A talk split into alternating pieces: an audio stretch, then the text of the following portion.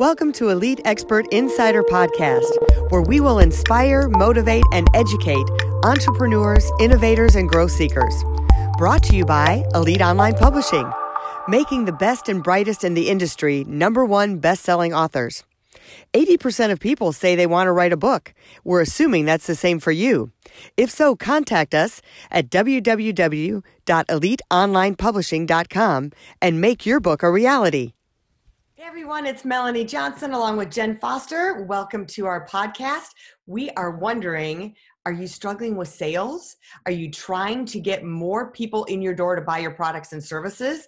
We have an expert here today who is going to teach us how to overcome all those things and have consistent, repeatable sales success by using people, process, and tools. And I'm super excited because I'm always trying to refine our sales process and help our authors to refine their sales process.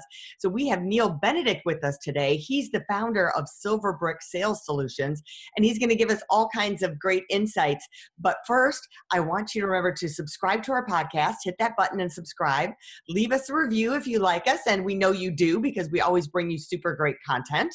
And then um, the other thing is if you're looking to become an author and want to use your book as an advertising and marketing tool for your business, then contact us at Elite Online Publishing. We make all of our authors number one bestsellers, and then we teach them and create a marketing plan for them of how to use their book for their business to get more clients as a sales tool, just like Neal's going to tell us how to get more clients and get those sales closed. Neal, welcome. Thank you so much for uh, joining us today. Thanks, Melanie, for having me on the show. I'm really excited to be here. Great. Neal, well, tell us a little bit about yourself and how you got into sales and, and how you started working and helping people with um, learning how to do sales. Sure, sure. Yeah, I, I still consider myself a recovering corporate head of sales. I spent most of my career in uh, corporate. So um, early in my career, I started off in technology, spent most of my early career in technology with companies like Intel and Reuters. Um, and then I moved uh, into the manufacturing space, spent a number of years running some uh, relatively small divisions for some manufacturing companies, and then uh, and then branched out to do some private equity work from there. So, and much like uh, most sales professionals, I, I sort of fell into the career. Honestly, I can't admit that I have some grand story of a plan that you know brought me from the uh, realization that I was a salesperson and a, in a straight, clear path to get there. Um, again, most like like most sales professionals, um, again, I sort of ended up in this particular field. I mean, it's a great field. I really enjoyed it, but I, again, it was um, it was largely based on um, circumstances that brought me to where I am today. So that happens sometimes. Sometimes uh, God has a plan for you and you didn't even know. Yeah, right? exactly, exactly. Yep, yep.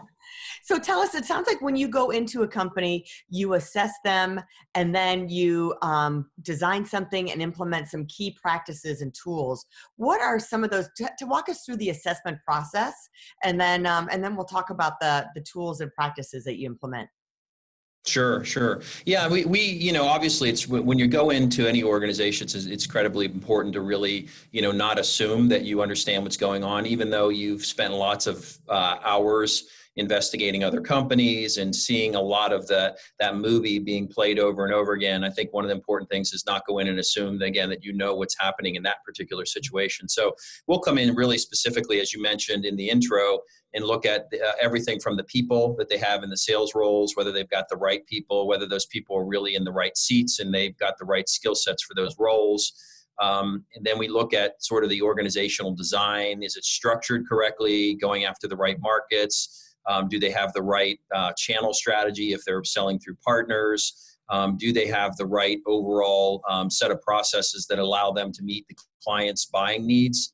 Um, and making sure that again we're, we're we're the easiest company in our segment to buy from for an example then we ultimately look at the tools that companies use to execute the sales plan you know do they have effective messaging do they have effective um, you know prospecting cadences and plans that they're relying on do they have an effective um, crm that they're using to to drive activities and track customers? Um, those types of things when we go in. So it's really a, a fairly extensive assessment process that really you know that really doesn't um, begin and end with the people even though a lot of times smaller organizations feel like it's mostly wrapped up in the people. Um, but that's usually not the case. I mean people are part of the equation but um, but only part. Yeah i think it, i think it's important to know like you were your book title is Finding Diamonds. So it's like finding that select person who's going to be selling for your company, but it's more than that. It's the systems in place and the sales processes that they that they can learn. So it's finding that person who can learn your processes and systems. Is that correct?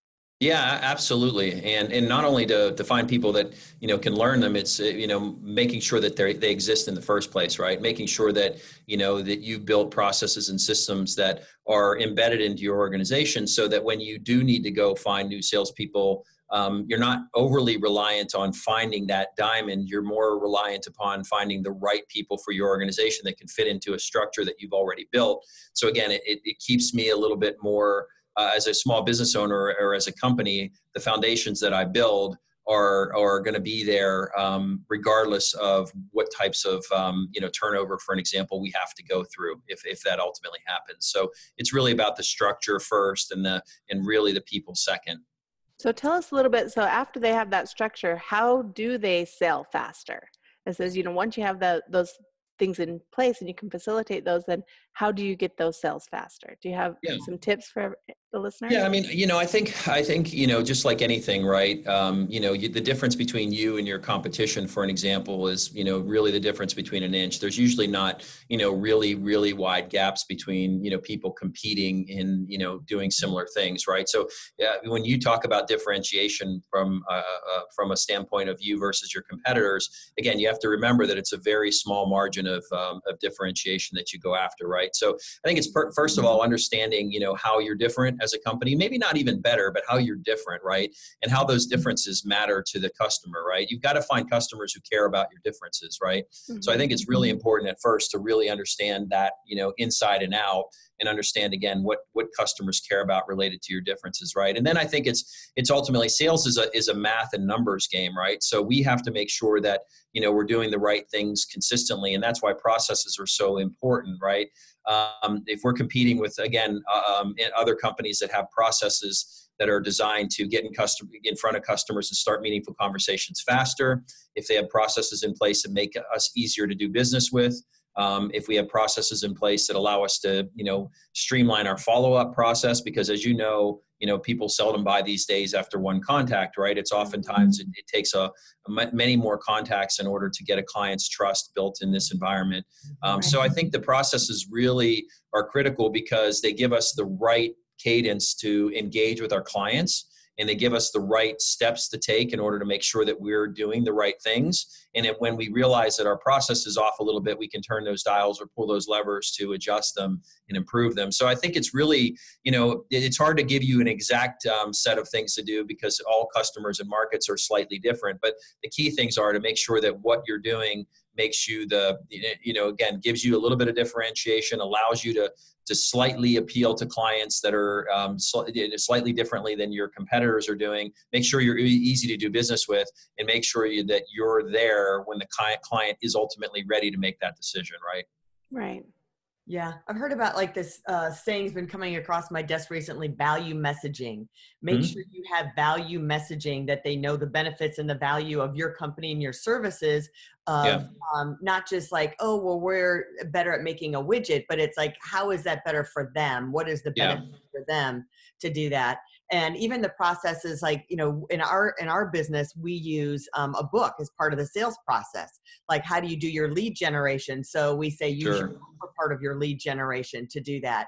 So what are some of the things people have um, objections you get the guy you you've gotten that communication going back and forth you've had those three or four touch points where you feel like you've got their trust but they're still not pulling the trigger. What do you find is to get over to that next level you've got your processes in you've got your sales scripts is and you feel like you're doing everything right but you yeah. can't get them over that step and i think a lot of people in their businesses they get to that it's like okay i've got leads coming in i'm having that conversation but i'm not closing the deals. Where, what do you take them from there? What advice do you give yeah, yeah, it's a good question because I think you know a lot of a lot of salespeople will see objections as a negative. We ultimately, I think, see them as a positive. Objections tend to, you know, uh, particularly if they're later in the sales cycle, tend to be a good buying uh, signal because people are thinking through um, their purchase decision. As you know, people buy emotionally, right? And then they try to justify it with logic. So objections from a logical standpoint tend to indicate again that they're that they're um, you know that they've made that emotional decision and they're really close to buying. So I think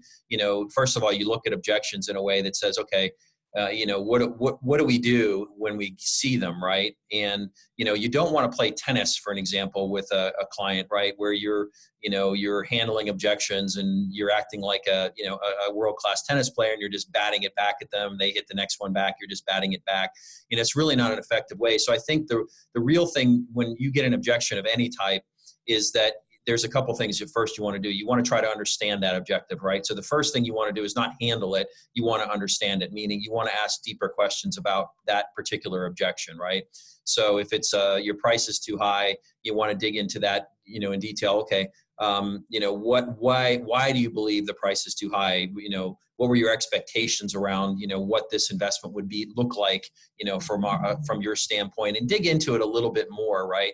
Um, they may tell you that they've got a competitive bid and you know it's too high compared to your competitors. And you know then of course you're going to have to back into um, you know value right? Why, why am i different? Why why is my value slightly different? Why is my price you know the way it is? So um, you know and, and you know in sandler we also teach too that really you know that budget discussion comes fairly early in the sales cycle for an example or that pain discussion or even that decision making process discussion comes fairly early in the sales cycle. So um, if you're doing the right things from a sales standpoint uh, uh you shouldn't have too many objections at the end of the cycle because we've handled them um, largely as we've gone through the selling process. So again, I think mindset don't don't see them as objections that need to be handled and, and hit back. You know, they're they're really things that probably just need more clarity. And then uh, secondarily, if you do enough discovery and um, and help the client understand, um, you, you really the the process of discovering for themselves what they need um, you know they tend not to not the clients tend not to object to discovery that they've gone through themselves right? If, I, if you've taken me through a discovery process and i've learned about what i need um, i seldom have a lot of objections because i've i've already kind of walked myself through most of those right? So yeah. um, i think it's really that that's really the process you need to look at. Well and i think uh, that's really important just because like you were saying once that system's in place you most of the objections are covered before they have the objection right? Correct yeah. It's always better to deal with an objection that you you know it, it, salespeople are pretty smart. We know we know what the objections are right? It, thematically you know they only they usually fit into certain buckets and you know you hear them pretty consistently. So um, if you're waiting to an end of a sales cycle you know for objections to come that you know are actually going to happen and you haven't addressed them up front then again you're not really managing the sales cycle as effectively as you could so it's really like qualifying your client along the way. It's not yes. just pitching to them. You're wanting to know if you're the right person to work with us. Like, absolutely.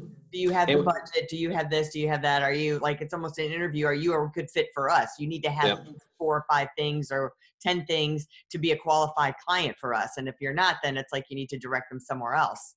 Oh, absolutely. All things being equal, um, honestly, we don't we, we don't advocate talking at all about ourselves until very very late in any sales cycle, right? Because if you think about it, most people just don't care about you and what your product is and what you're offering, right? What they care about is you know the problems that they've got in the or the or the or the pleasure that they want to move toward. And if you're the person with the right solutions to help them get there, right, and you um, and you have that conversation up front you know you don't really deal with objections at the back end. And again we we don't advocate really talking about ourselves at all until you know really the very end. Because you know at that we, we really need to know everything that we can about the client before we can start to propose solutions. Because honestly you know we we don't know what we should be proposing unless we really understand what the client's uh, issues uh, are, are. So yeah so so a lot of the sales process is asking a lot of questions and listening right? Absolutely, absolutely. Active listening is critical, right? You know, mm-hmm. not waiting to talk, but really actively listening and making sure that, um, you know, again, that active listening results in, you know, a a, uh, a communication cycle that really helps you, um, you know, by the end of your conversation, really helps you frame up exactly what the client is facing, um, maybe even articulating it better than they can, right? Mm-hmm. So what I, I feel like kind of a recap is that make sure you have the right systems in place, CRM, scripts, all that back end, have the right people in place that represent your company that work with those systems well. Make right. sure you are asking questions to qualify the lead first and yeah. do a lot of listening. Don't talk about your company or your services right away. Find out what their problems are, make sure they're a good fit for you, and then sure. try and get all the objections. Like it's like the elephant in the room. Get that out in the open first. Just put yeah. the objections out there, and then um, and then you should have an easier time on the back end. It should close simpler. Does that sound right? Yeah, I think that's right. Awesome. Okay.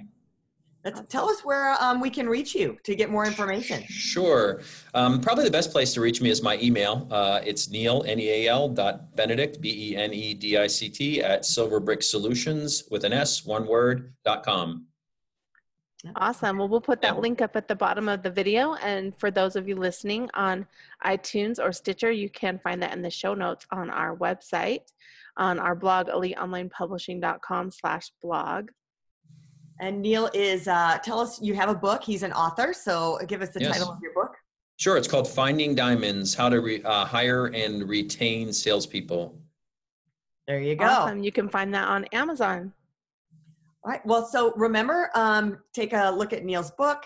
And uh, if you're looking to become an author yourself, and we can teach you how to use your book as a sales tool to get more clients and close more deals, um, reach out to us at eliteonlinepublishing.com and subscribe to our podcast because we always have great information for you, for business people, for entrepreneurs, for authors. So um, reach out to us here, and we'll see you next time. Bye. See you next Thank time. Thank you. Hey, are you looking for an invoicing and accounting solution? Well, we found one that's ridiculously easy to use.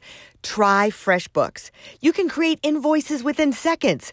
Go to freshbooks.com and go check it out. If you'd like to create the most powerful advertising tool for your business, contact us at eliteonlinepublishing.com, where we will help you create publish, and make your book a number one bestseller, and show you how to get new leads and more revenue for your business. If you'd like to check us out on our Facebook page, we have a free book for you as our gift. Just go and click free book. Remember to subscribe and leave a comment for our podcast. We would love to hear from you.